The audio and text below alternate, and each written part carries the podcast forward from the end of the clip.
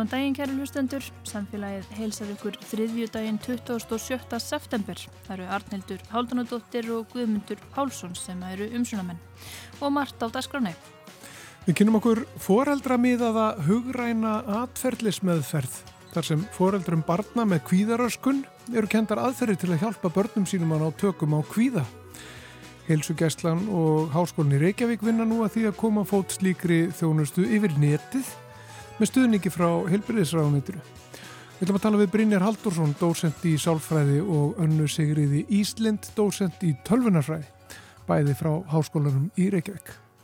Hver eru vandamál umhverfis mentunar og hvaða lausnir er í bóði? Unnur Björnsdóttir kafaði ofin í þetta í lokaverkefni sínu í listkennslufræði og byggði á landsfundi sem samtökin ungir umhverfis sinnar heldu og buðu öllum framhaldsskólanemum landsins á. Út úr því komu ymsir umræðupunktar og ljóst að unga fólkið vil vera haft meira með í ráðu. Og við fáum svo pistil í lokþáttar frá Páli Líndal umhverfis sálfræðingi. En við ætlum að byrja á foreldramiðaðri hugrætni atferðlis meðferð fyrir börn.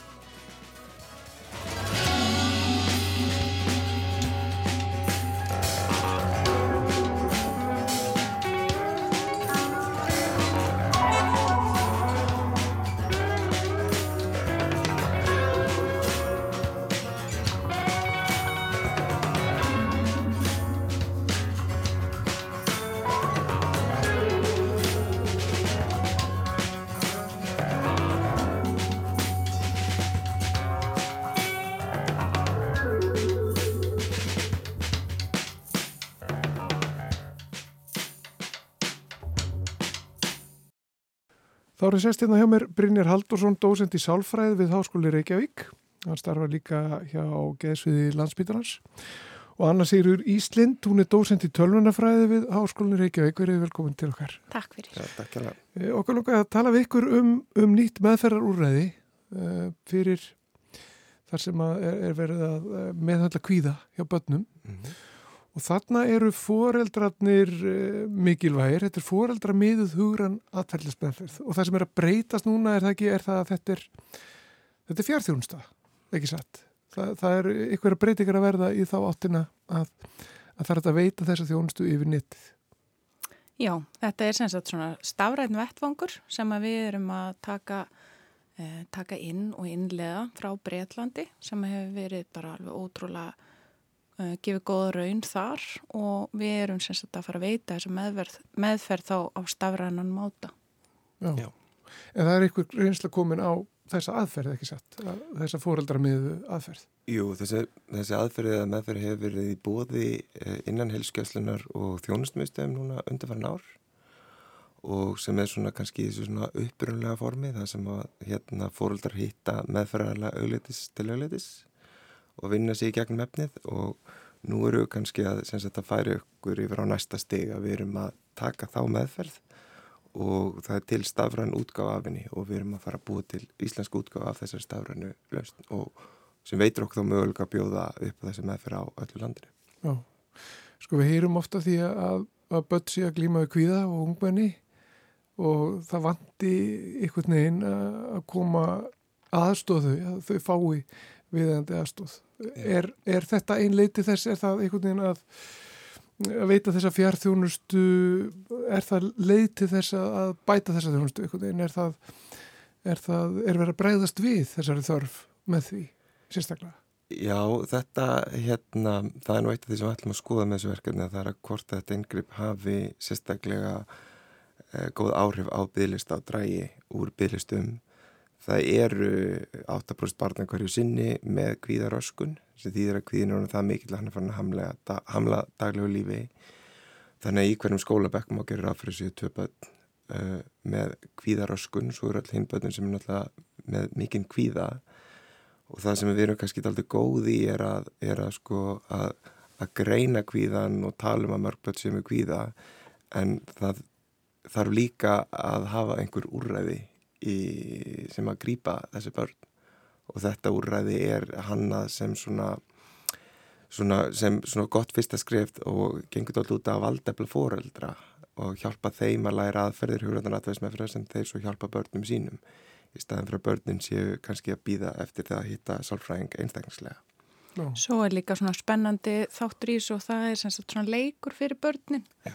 Þannig að við erum líka að leikja væða þessa hérna hugurana atverðlar meðferð og við erum átrúlega spennt líka fyrir því að því það er svona nýtt ánálein á Íslandi að prófa að nota leikjavæðingu sem hluta meðferðar úr þennu. Já.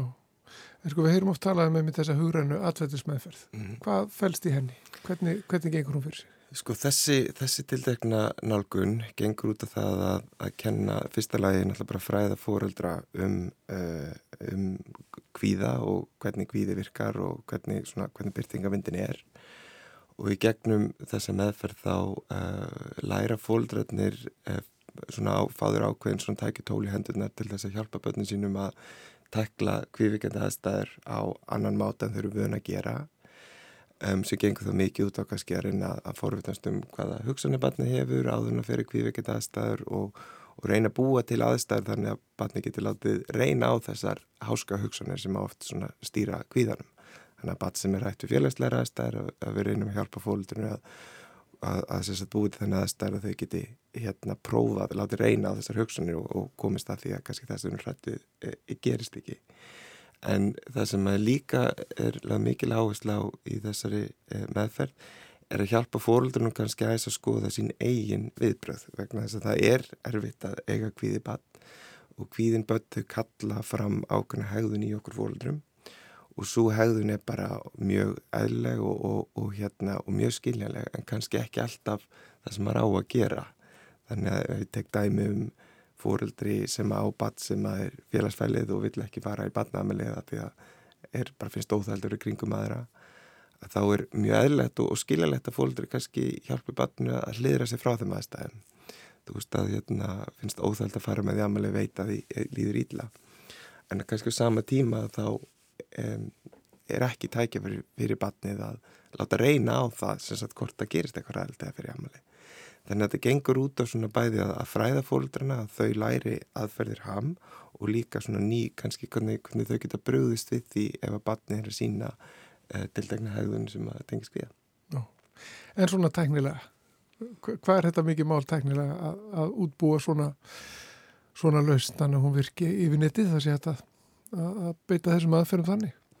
Við erum með, sem sagt, uh, tæknifyrirtæki með okkur sem er í Breitlandi sem er búið að vera að hérna, hanna og þróa þennan stafræna vettvang í, í, sem hluta þessu samstagsverkefni og grunnstóðinar eru til staðar en við þurfum náttúrulega aðlaða þessa, þessa hérna, þennan stafræna vettvanga íslenskum aðstæðum. Við þurfum að íslenskan og íslenska meðferðar, uh, allt meðferðarúræð og við erum líka bæta við eins og rafrænum skiliríkjum og bara þessu hefbundna sem við þekkjum og við erum búin að vera í núna daldi löngu ferli af að, að hérna, skoða hversu hæfur þessi stafræni vettvangur er fyrir íslenskar aðstæður búin að fá aðstóð frá frá syndís til dæmis og, og við úttækt á honum og svo leiðis til þess að við getum passa upp á allir öryggistadlar séu til staðar og að við séum bara mæta hérna, íslenska markanum líka. Mm.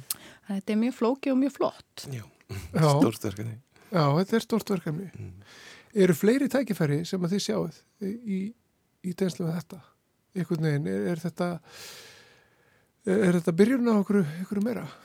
Ég held klálega allavega að bara stafrænar helbreyðslausnir séu og stafræn helbreyðstakni séu framtíðin bara í öllu sem við erum að gera og það er líka bara mingar hérna, þessa vegalengdir sem við erum með á Íslandi það er bara, þetta er ótrúlega valdablandi líka til dæmis fyrir fóreldra að taka þátt í þessu það er ekkit allir sem komast Já. úr vinnu og þannig þannig að þetta er ekki bara fyrir semst landsbyrna heldur líka bara fyrir fóreldra til dæmis sem að eh, kannski ná ekki að losa svo vinnu eru, eru í vinnu þar sem við verða að vera á staðum. Já. Þannig að það er líka kannski svona mikilvæg þáttur í þessu að þetta kannski eigur aðgengið. Já, er, það eru allir líka rauðið ekki aðgengi og það er líka rannsóknum sem hefur gerðir á internet meðferð þá sérstaklega hugræðna aðfellsmeðferð hefur sínt bara mjög góðan árangur og ymmit að hún drefur úr bygglistum og hún drefur ofta verulega úr kostnægi og reynist í sumun tilfellum bara árungsríkari heldur en uh, svona einstaklingsvitur sem erum kannski vanari en hérna ég, við erum svona vona að þetta sé fyrsta skrefið af því að, að já, bjóða upp á uh, ham internet meðferðir í heilbríðstjónustu á Íslandi. Og okkur fyrst bara líklegt að þetta sé við sem að ganga inn í byltingakjönda tíma að þetta sé bara eitt af mörgum skrefum í áttina emitt því. Og það er líka náttúrulega annað sem er gott í þess að hérna, fóreldra sem eiga nokkur börn sem eru kvíðin. Já. þetta nýtist þeim náttúrulega einstaklega vel. Þannig að hérna um, það er líka, það er ekki bara sem sagt þá að, að þetta eigur náttúrulega kannski uh, eða stittir þess að vegalengdir heldur líka hjálpar kannski fleiri börnum í einu sem Já, er alltaf mikilvæg einmitt. þáttur og líka ef að fóldrar eru búin að læra þetta einu sinni þá er líklegt að þau noti sömu um, aðferður aftur ef það verður eitthvað bakslag eða eitthvað álíka. Já. En beinist þessi meðferð að sko fóreldrun? Er það Já. fóreldrun sem eru móttakendur? Já. Ef við getum þann- að Já. ta þau taka við upplýsingunum og, og miðlaðum síðan til bandana. Já, og þetta er hugsað fyrir fóreldra kvíðina barna sem aldrei um 5-12 ára. Mm Af því að það eru kannski ekkit sérstaklega mörg börn svona 5-12 ára sem að vilja hýta eitthvað sálfræðing einu sinni viku. Þannig að hérna, já, við erum einmitt að, að kenna fóreldrunum aðferðina sem þeir svo nota heima fyrir. Já. Mikilvægt bara að hafa fóreldrana með okkur í liði líka því að þú veist, það er, fóreldrarnir eru náttúrulega þekkja inn á sín börn og þannig. Mm Og fóreldrunir eru, eru yfirleitt í miklu betri aðstöðu til þess að hérna eru er náttúrulega miklu ofta með börnum sínum og hafa alls konar og miklu fleiri tækifæri heldur en kannski einhver sálfræðingur sem heitir barni einu sinni í viku sem fóreldrunir fleiri tækifæri til að fara með barni í kvíðveikenda aðstæður og prófa að gera hlutina þessu öðru sem eru vön og svo framvegist þannig að þau læri að kvíðu er ekkert sem þau eru að ótast. Já. Og við veitum líka því þið voru að tala um sko bygglistan aðan. Við vitum að það er mikil, mikil eftirspurn eftir, eftir þjónustu. Já. Mm. Og hún er á mörgum sviðum. Ég meina hún er, við erum að, er að tala alls konar greiningarstarf náttúrulega sem, að, sem eru bygglistar í og, og svo framvegis og náttúrulega meðferð. Já, einmitt og það er hægt að bara fletta upp þeim tölum sko hjá umbúsmanni Mhm. barna en þetta, það eru einhver hundruði barna að býða eftir, uh, eftir þjónusti hjá sálfræðingum og, og býðin er eh, hérna yfirleitt talin í mánuðum og í sumum tilfellum kannski meira en það ef að sérstaklega erum greiningar að ræða. Já. En þetta er ekki sér íslenskt vandamál, það er, er bygglista vandamál um, bara í flestur löndum í kringum okkur.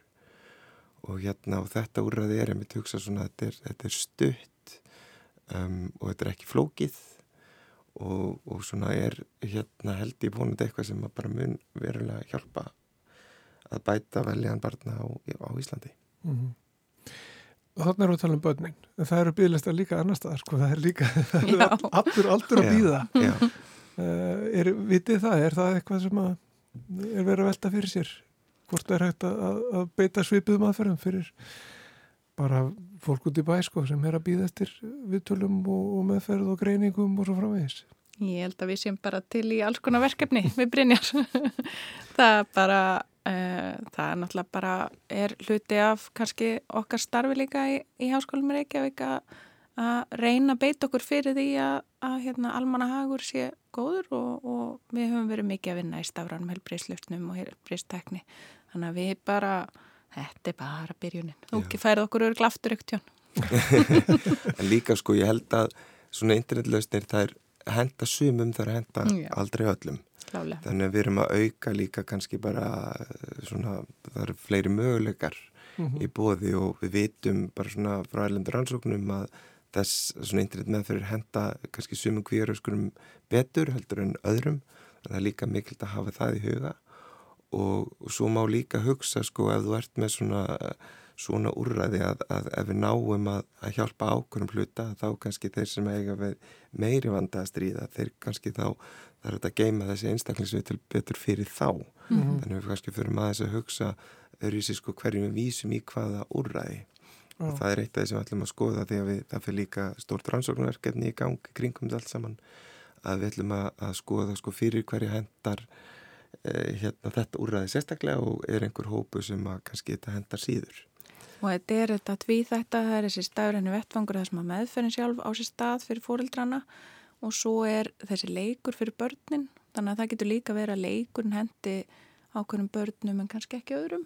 Já. Þannig að hérna, þetta verður örgla bara, þetta rannsóknarverkefni sem við erum að fara í gang með mun örgla líka leiða af sér fyrir hverju henda til dæmis það að leikja væða hluta af svona, af svona aðstæðum uh, af börnunum á, og þú veist það er líka alveg spennandi þáttur í þessu þannig að þetta er bæði sem sagt með að beinta börnunum og svo líka þessi fórildra með að meðferð. Mm.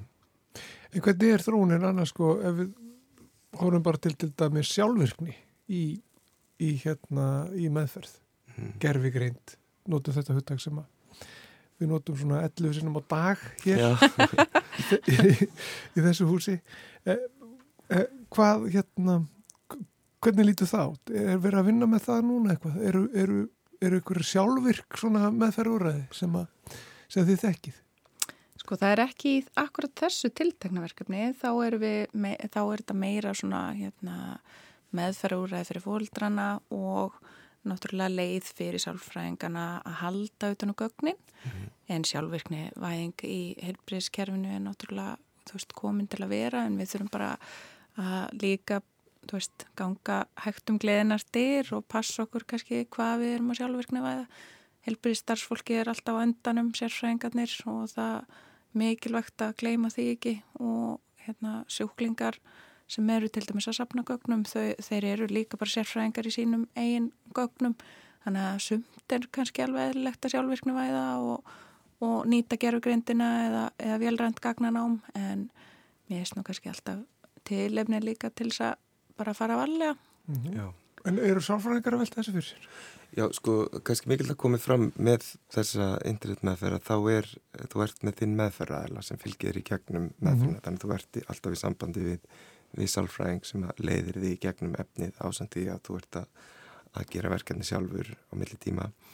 Um, já, sálfræðingar eru klálega að pæli þessu en ég held, ég held nefnitt bara eins og annar sé þessi mjög mikilvægt að stiga valið þetta jarðar vegna þess að, að hérna það sem ég er svona kynnt mér í, í svona málum er kannski helst eh, svona ákvæmnar hættur þar þegar mm. algjörlega búið að taka út hann að kontakt við eitthvað fagæðala sem ég held að ég sé bara mjög mikilvægt að sé þarna til staðar en eflaust eru einhverja lausnir sem að munum þróa sem verður hægt, hægt að nota en, en svona eins og þegar fólk er að hérna, nota chatbotta til að hjálpa sér að líða betur ég held að það sé ekki og skilin eitt rosalega miklu márangri og, og hérna og veit að það hefur líka bara verið sérstaklega óhjálplagt fyrir suma en hérna múnandi bara tróast þetta og held að það sé mikilvægt að ekki taka neina svona ákvarnir nema séu rannsóknar bak við það og til dæmis er þetta úrræði eitthvað sem að er komið inn í klíniska leifinningar sem við horfum ekki til mm -hmm.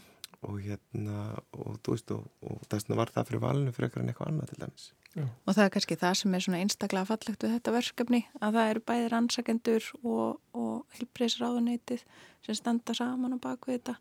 Og hérna þá sér maður líka bara að rannsókninnar er, fá hátt undir höfði og eru mikilvægar og að samfélagi líka það mun alveg gagnast af því að við þú veist stígum líka hægt í erðar með þetta mm -hmm. og við munum rannsækenda allan tíman og það er það sem er svo rosalega mikilvægt virkar þetta og fyrir hvern þá? Emitt. Og uh, þetta fer í gegnum heilsugjæsluna er það ekki ef að fólk uh, vil einhvern veginn fá að taka þátt í þessu eða, eða, eða nýta sér þetta úrræði Já. þá er það alltaf í gegnum heilsugjæsluna. Já, en fólk ætti kannski að býða með að taka upp símanna því að já, já, já, við erum gæltilbúin. Hérna, þetta er ekki, ekki byrjað. Nei, við erum farin á stað en, en það er von okkar að við getum farið að, að bjóða upp á þetta innan svona sex mánu. Já, emitt og það er foreldra miðuð hugran atverðlismeðferð e, yfir netið sem, að, sem er viðfálsefnið og verkefnið framöndan Takk fyrir komuna Brynjar Haldursson og uh, Anna Sigriður Íslind. Gaman að fá okkur í heimsókn. Takk fyrir okkur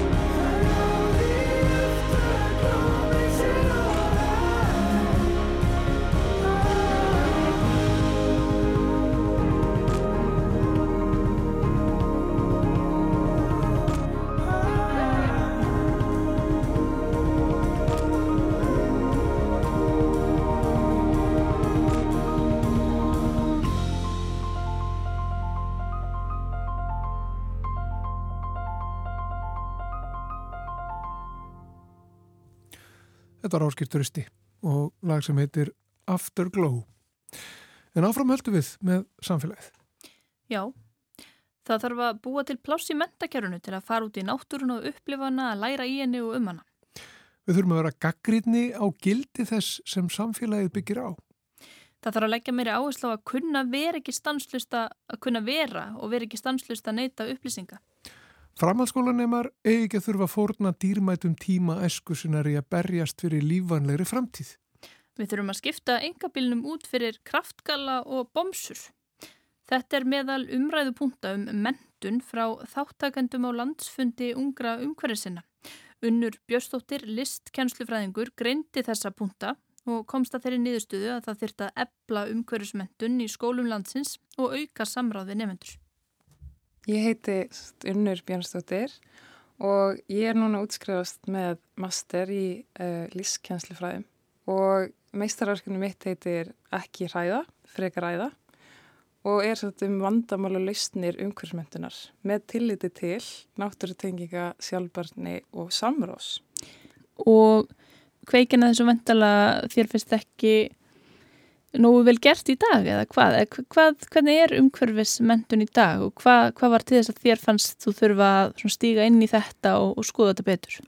Uh, ég sem sagt meðfram náminu mínu þá hef ég fengið tækifæri til að taka þátt í alls konar félagsstörfum um, hjá landvernd og ungum umhversunum og ég held sem sagt að var eina af þeim sem held utanum landsfund ungra umhversuna í kynningar og fræslumálum og í svona samtali við ungt fólk að þá uh, hef ég líka bara fundið það að það mætti gera betur uh, þegar kemur umhversmyndun og mér langaði til að kynna betur bara hvað hva þröskuldar eru hana og hvernig er hægt að bæta úr þeim.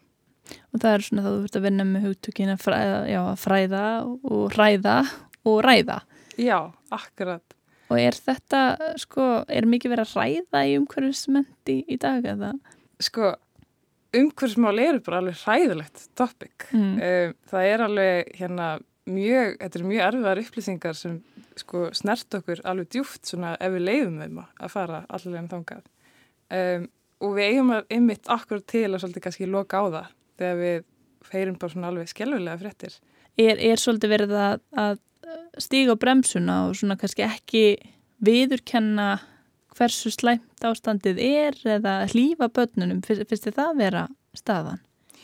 Um, ég held einmitt sko út af því umhverfsmöntun hefur aldrei fengið að vera rauninni sér áfangi. Um, þetta er náttúrulega í dag, er þetta svona þvert yfir uh, allt skólilíf Þannig að það hefur eiginlega bara svolítið farið eftir kennarunum uh, og áhuga kennarars, hvernig, hvað leiðir hann fyrr í því. Um, ég held það sé alveg klárlega og var mikið, mikið talum það sérstaklega kringum aðlámskrá 89, uh, hvað kennurum fannst þetta mitt bara svo vonlust efni og þau vildi ekki ræða krakkarna með þessu. Um, þannig að ég held að það sé alveg sko virleiki umhversmáli í dag er ennþá hræðilegur Eh, þannig að ég held að þetta sé klárlega þröskuldir sem er líka í dag.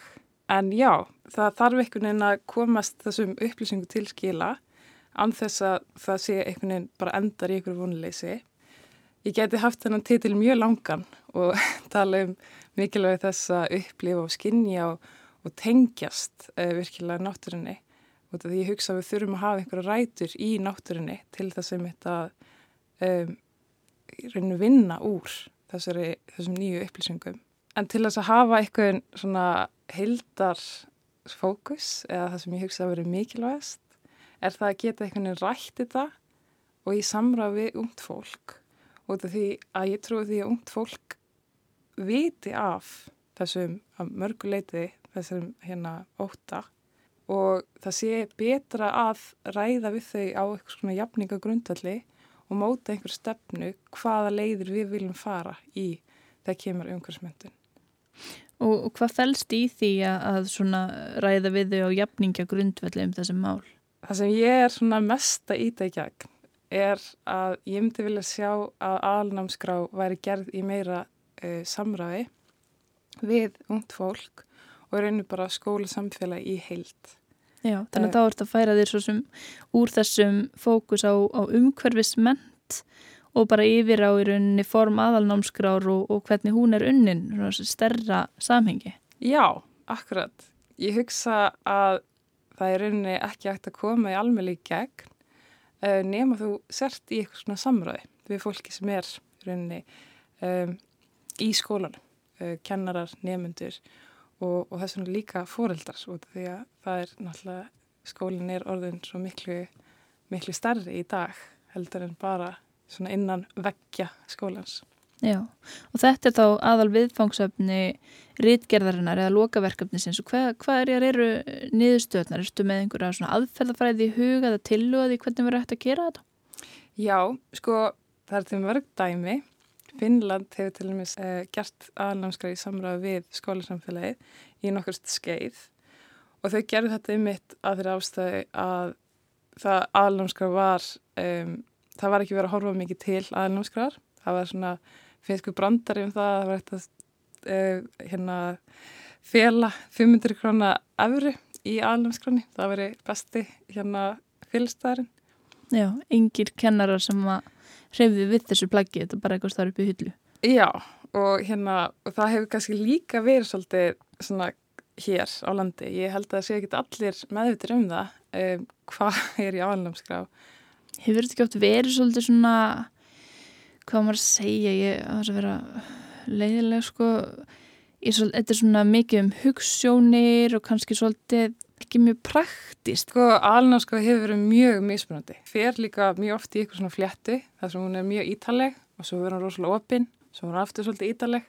Í dag er hún svolítið meira um þetta heimsbyggilegum nótunum og mjög opinn og, og það er gefið mikið tröst til kennara til þess að finna sína leið og það er alveg, sko, alnámskrá í dag sem er endar orðsvöldi gömul frá 2011 var uppvar líka eitthvað aðeins 2013 og er líka núna akkurat í dag í um, uppfærslu og tekur sagt, ný aðalnarskur gildi í ágúst 2024, það er alltaf plönum það. Þannig að framlag líka þessu verkefni er svolítið að beina því að, að þurfa að koma kannski þessu svona fljótt í gegn að eiga eitthvað svona samráð við umt fólk.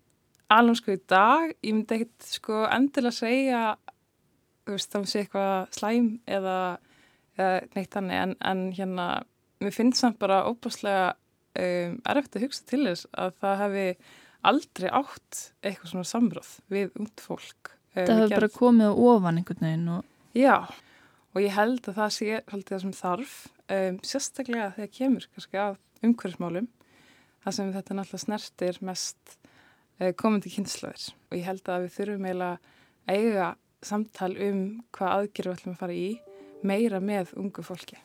Og finnst þið líklegt að, að þú komir þessu inn í aðalnámskrá, nýja aðalnámskrá sem er í vinslu? Uh, ég er allan að reyna. Það er allan að alltaf hægt að eitthvað neyn. Ég hugsa að það er hérna kannski, þú veist, að búa til masterritgerð um, er svolítið fyndiferðli. Það sem er eitthvað leggur rosalega miklu vinnu í einhverja stóra ritgerð og, og svo eru einhverjir fjóri sem lesana og, og hérna, en þessi fundir átti sín alltaf stað og, og það er það sem ég er kannski mest stolt af um, þessi landsfundir ungra umhversinni kynningar og fræðslumálum rétt eins og allir hinnir uh, fjóri landsfundinir sem koma náttúruvernd, lótlasmálum og ringarsarhagkerfi. Uh, þetta er náttúrulega gögn sem er hægt að vinna freka með og, og ætti að, að taka mér inn en ég hérna hugsaði mjög fljóðlega samt að þetta væri kannski ekki nógu mikið samráð þegar við erum að tala í samiki við aðalnámskra. Ég, ég myndi vilja sjá uh, eitthvað svona meira á frumkvæði mentamlega ráðunniðsins að hafa samband við ungt fólk. Já, og þetta er í rauninni svolítið svona, svona grasróta blæra á þessu verkefni að þú sækjur svolítið mikið í þína reynslu úr félagastarfi og Já. ungum umhverju sinnum og landvend. Akkurat. Uh, já, þetta er algjörlega græsot og ég byrja líka reitkerna á því svolítið að, hérna, að gera grein fyrir hver ég er og því ég trúi líka öll fræði komarinu frá fólkinu á bakveði. Já, það sé eh, ekki hægt að vera með einhvern svona hlutlaus fræði. Já, ég held að hlutlaus fræði sé ég ekki bara til. Um, þannig að, já, ég er aktivisti um, og ég hef uh, unnins að reitgerð svona, uh, ég hef verið í náminu mínu meðfram um, alls konar aktivism og félag samtökum og það er náttúrulega þannig blær uh, á, á því. Og svona aðeins bara, við erum búin að vera fara svolítið svona í yfirsýnina og, og, og aðalnámskrána gerir ráð fyrir því að kenna þá umhverfis mentun í, í hvað grunnskólum eða er það, það framtíðasýnin? Vá, wow, góð spurning, stórstu spurt sko. Eða verður það áfram í, í félagasamtökunum og aktivismannum eða ég apel aktivisma inn í kjænslistofunni? Já, akkurat það er hérna mikið tala um það líka í kringum listkennara námið mitt. Hvað sem mikilvægt er að, að vera ekki bara kennar í þínu lífi. Þú þarfst að sinna, sinna þinni lífsköpun og rækta sem manneski og halda áfram að læra hús líka nefandi í gegnum þitt uh, kennara hlutverk. Uh, þannig ég held að sé mikilvægt að vera náttúrulega bara halda áfram að, að rækta með sem manneski og vera með puttana í rótanum, grásátunni, uh, meðfram kannski minni kjensli. En hvar ég áttur að vera að miðla minni svona þekkingu, það kemur ljós. Og krakkarnir þú heldur þau séu alveg tilbúin að tala við, við fullorðna fólkið um það hvernig þau vilja hafa sitt nám. Það hafa auðvitað verið, ef við erum að hugsa um umhverfisment og hafa börn og ungmenni verið mjög virk í loftslags verkföllunum sem að því að við staðað meðal annars. Já, og hérna uh, þegar ég var að greina uh, umræðupunktana þá komu upp svona kannski tvö sjónamið. Það var annars vegar bara svona biturleiki yfir því að það væri hún ekki fullari fólk að sinna þessum málum og þetta þyrst að vera einhvern veginn svona um, þungur póki á ungu fólki að þurfa að vera að hugsa um svo hluti og þurfa að uh, stíga hana fram og, og eigi þessi samtöl við fullari fólk. En svo var líka náttúrulega sjónabíðið það sem ungt fólk var bara uh, mjög hérna, óþröfu fullt að komast til valda og vildi rauninni fá að geta haft meira áhrif og haft um, Búið að missa trúna á fullundu fólkinu kannski. Já, það er náttúrulega... Einmitt, það er náttúrulega ekki búið að gera nóg mikla hluti uh, þegar kemur ykkur smálum og hlutin er hérna gerst mér rætt uh, í dag. Það er náttúrulega búin að koma mikil vitundarvakning bara á síðustu árum um, en með kannski alvarleika málsins að þá þurfum við að skoða kerfi okkar miklu betur. Og ég fór þá leið að skoða mentin og, og það steglaði mig tilliti til alnámskrar en hérna kerfið almennt er náttúrulega eitthvað sem við þurfum kannski endur ykkur hvað hva leiðir við ætlum að fara til þess akkurat að, að mæta um, þessum nýja heimi. Já, við bara sjáum, sjáum hverju framvindu með aðalnámskrona en takk kærlega fyrir spjallið unnur Björnstóttir. Takk fyrir.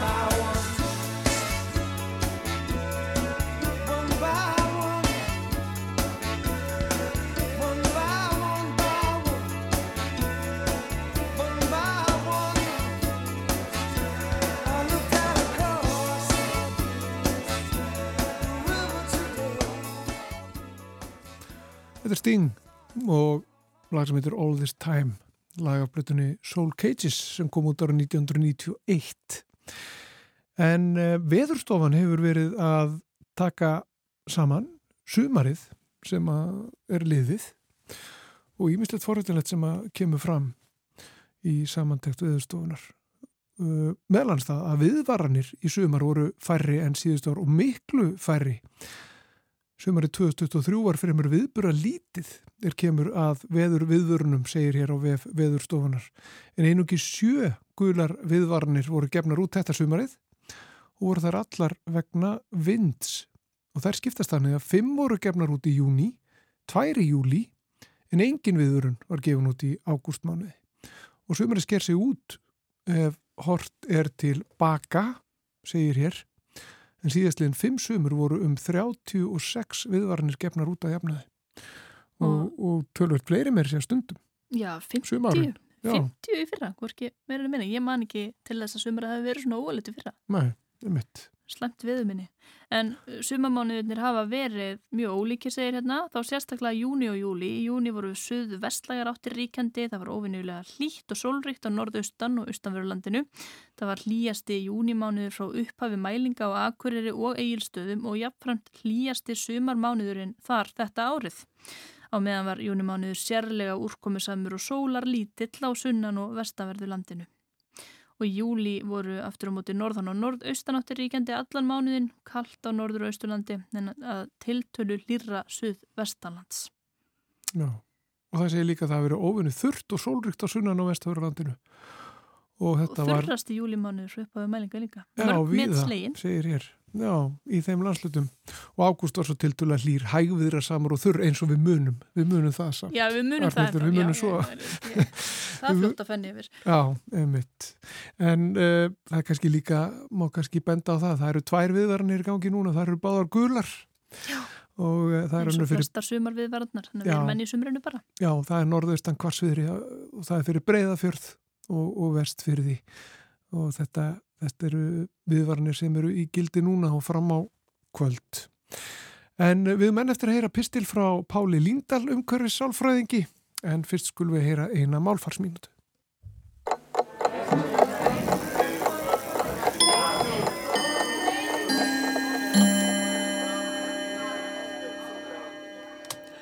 Sögnin að spotta hefur fengið glæni að merkingu. Gamla merkingin að hæða eða hæðastað var eflaust ekki öllum gleimt en hún var orðin sjálfgjafi mæltu máli. Nýja merkingin er koma auga á og kemur beintur að ennsku þar sem sögnin to spot merkir það sama. Vinsældir Facebook síðunar spottaði kött hefur eflaust átt sinn þátt í því að nýja merkingin festist í sessi. Þegar síðan var ný heyrðust oft óanægurattur út af þessari nýju merkingu en þær heyrast ekki lengur. En hvers vegna fær sögnin þessa nýju merkingu? Líklega ekki af því að neinum hafi dottið í huga að þyrti að uppfæra hana. Kanski hafa þau sem nota nýjumerkinguna ekki haft hugmyndum þá gömlu, heldur gripið enska orðið og laga það svona haganlega að íslensku.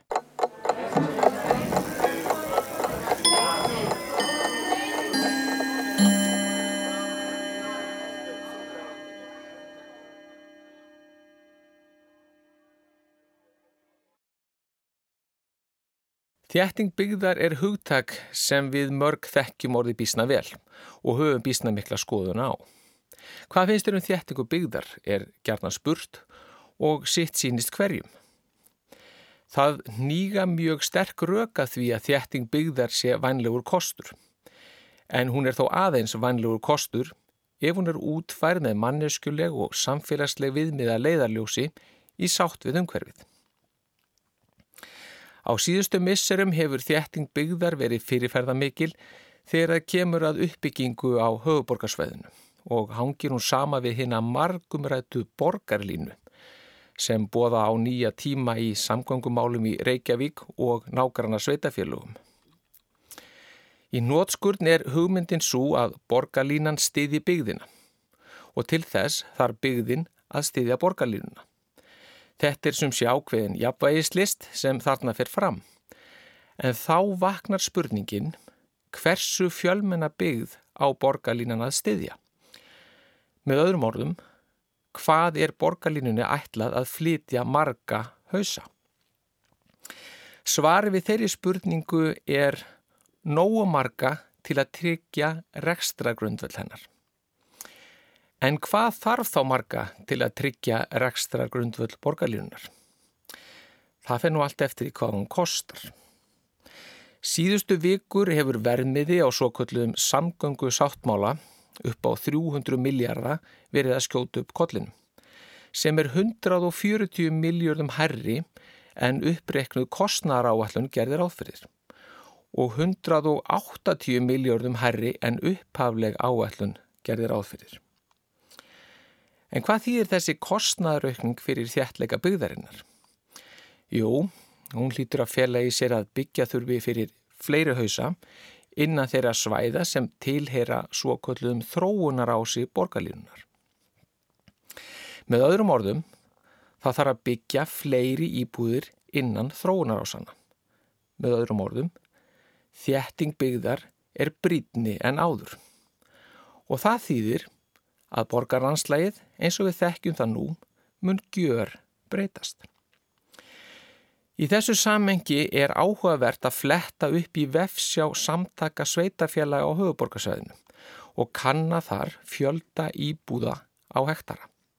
En það er mælikvarði sem gjarnan er notaður til að varpa ljósi á þjættleika byggðar en mikilvægt er þó að meðalfjöldi íbúa í íbúð fylgi þó alltaf með.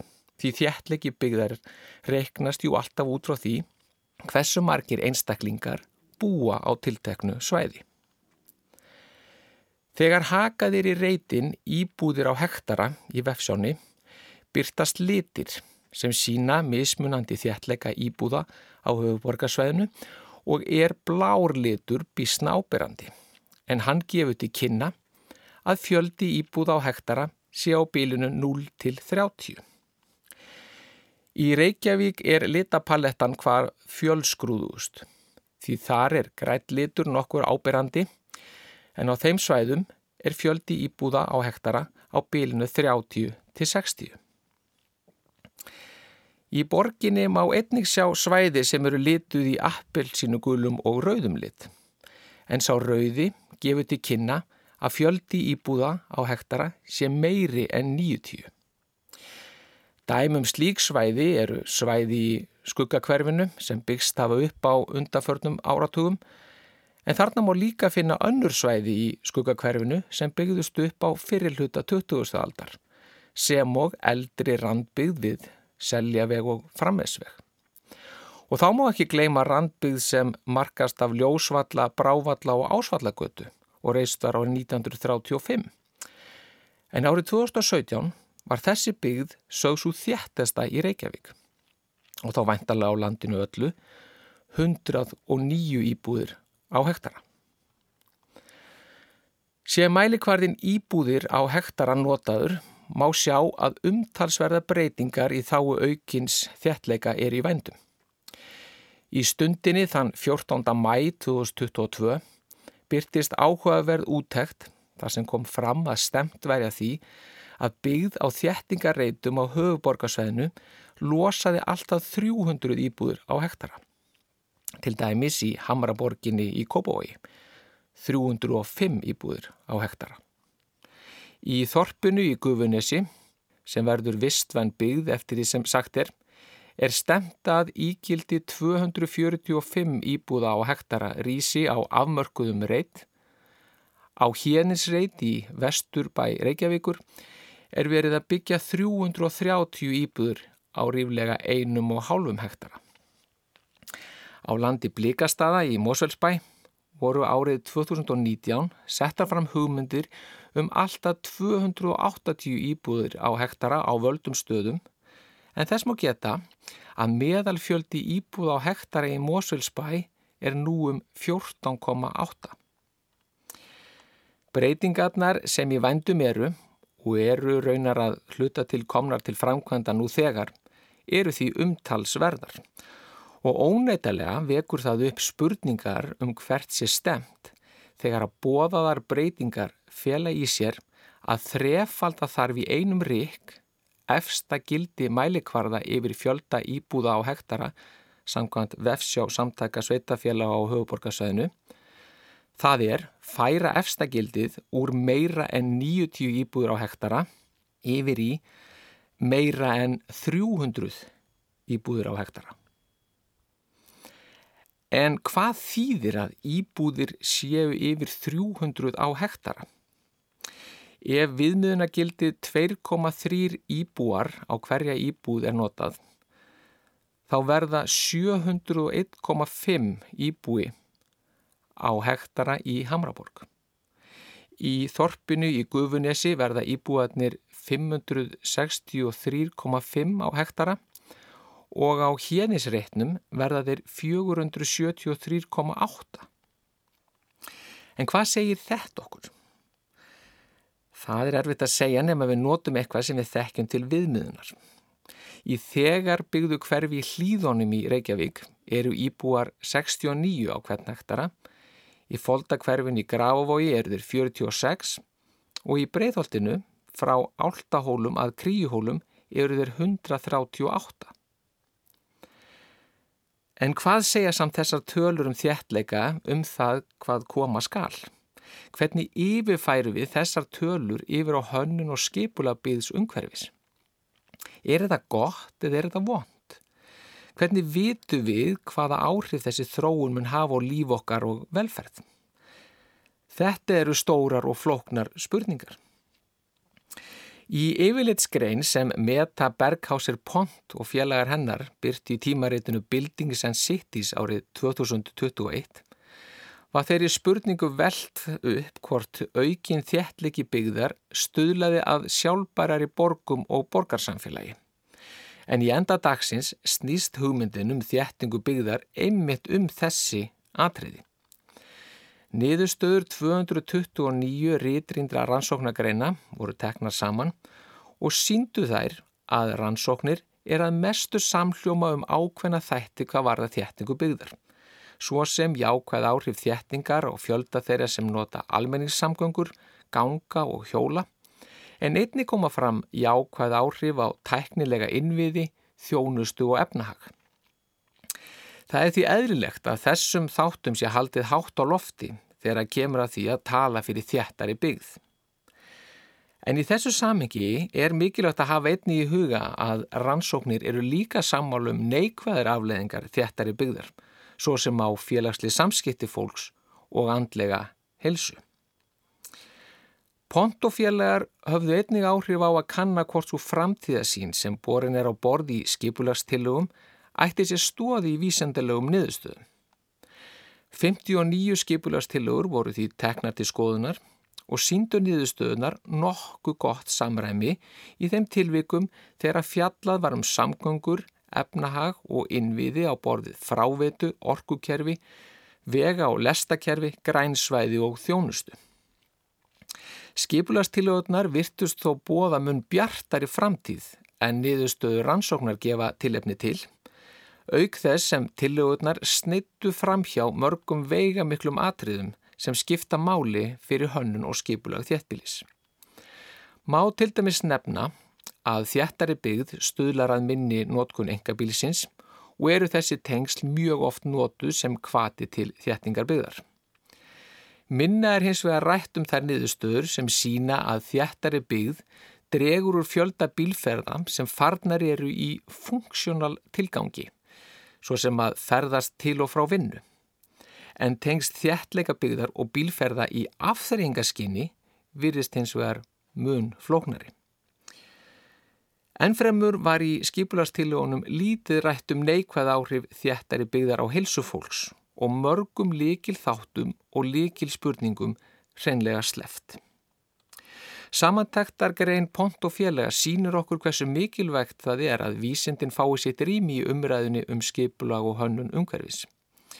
Hún sínir líka hversu mikilvægt er að byggja skipulag og hönnun umhverfis á bestu mögulegu þekkingu hverju sinni. Hlutverk vísendana er ekki að segja fyrir um hvað er rétt eða ránt. Hlutverk þeirra er að spyrja spurninga, leita svara, upplýsa og setja hlutina í samhengi og þannig hjálpa okkur að taka betri ákvarðanir. Við eigum að nálgast viðfóksefnið að auðmygt og með opnum hug, nýt okkur þá þekkingu og þau verkværi sem vísindin bjóða upp á. Hvort sem um er að ræða, þjættingu byggðar eða borgarlínu. Takk í dag. Þetta var Páll Líndal, umhverjusálfræðingur með sinn uh, pyrstil hér í samfélaginu og uh, með þessum hugleðingum Páls ljúkum við þætti dagsins Guðmundur og Arnildur. Takk fyrir sig. Takk í dag.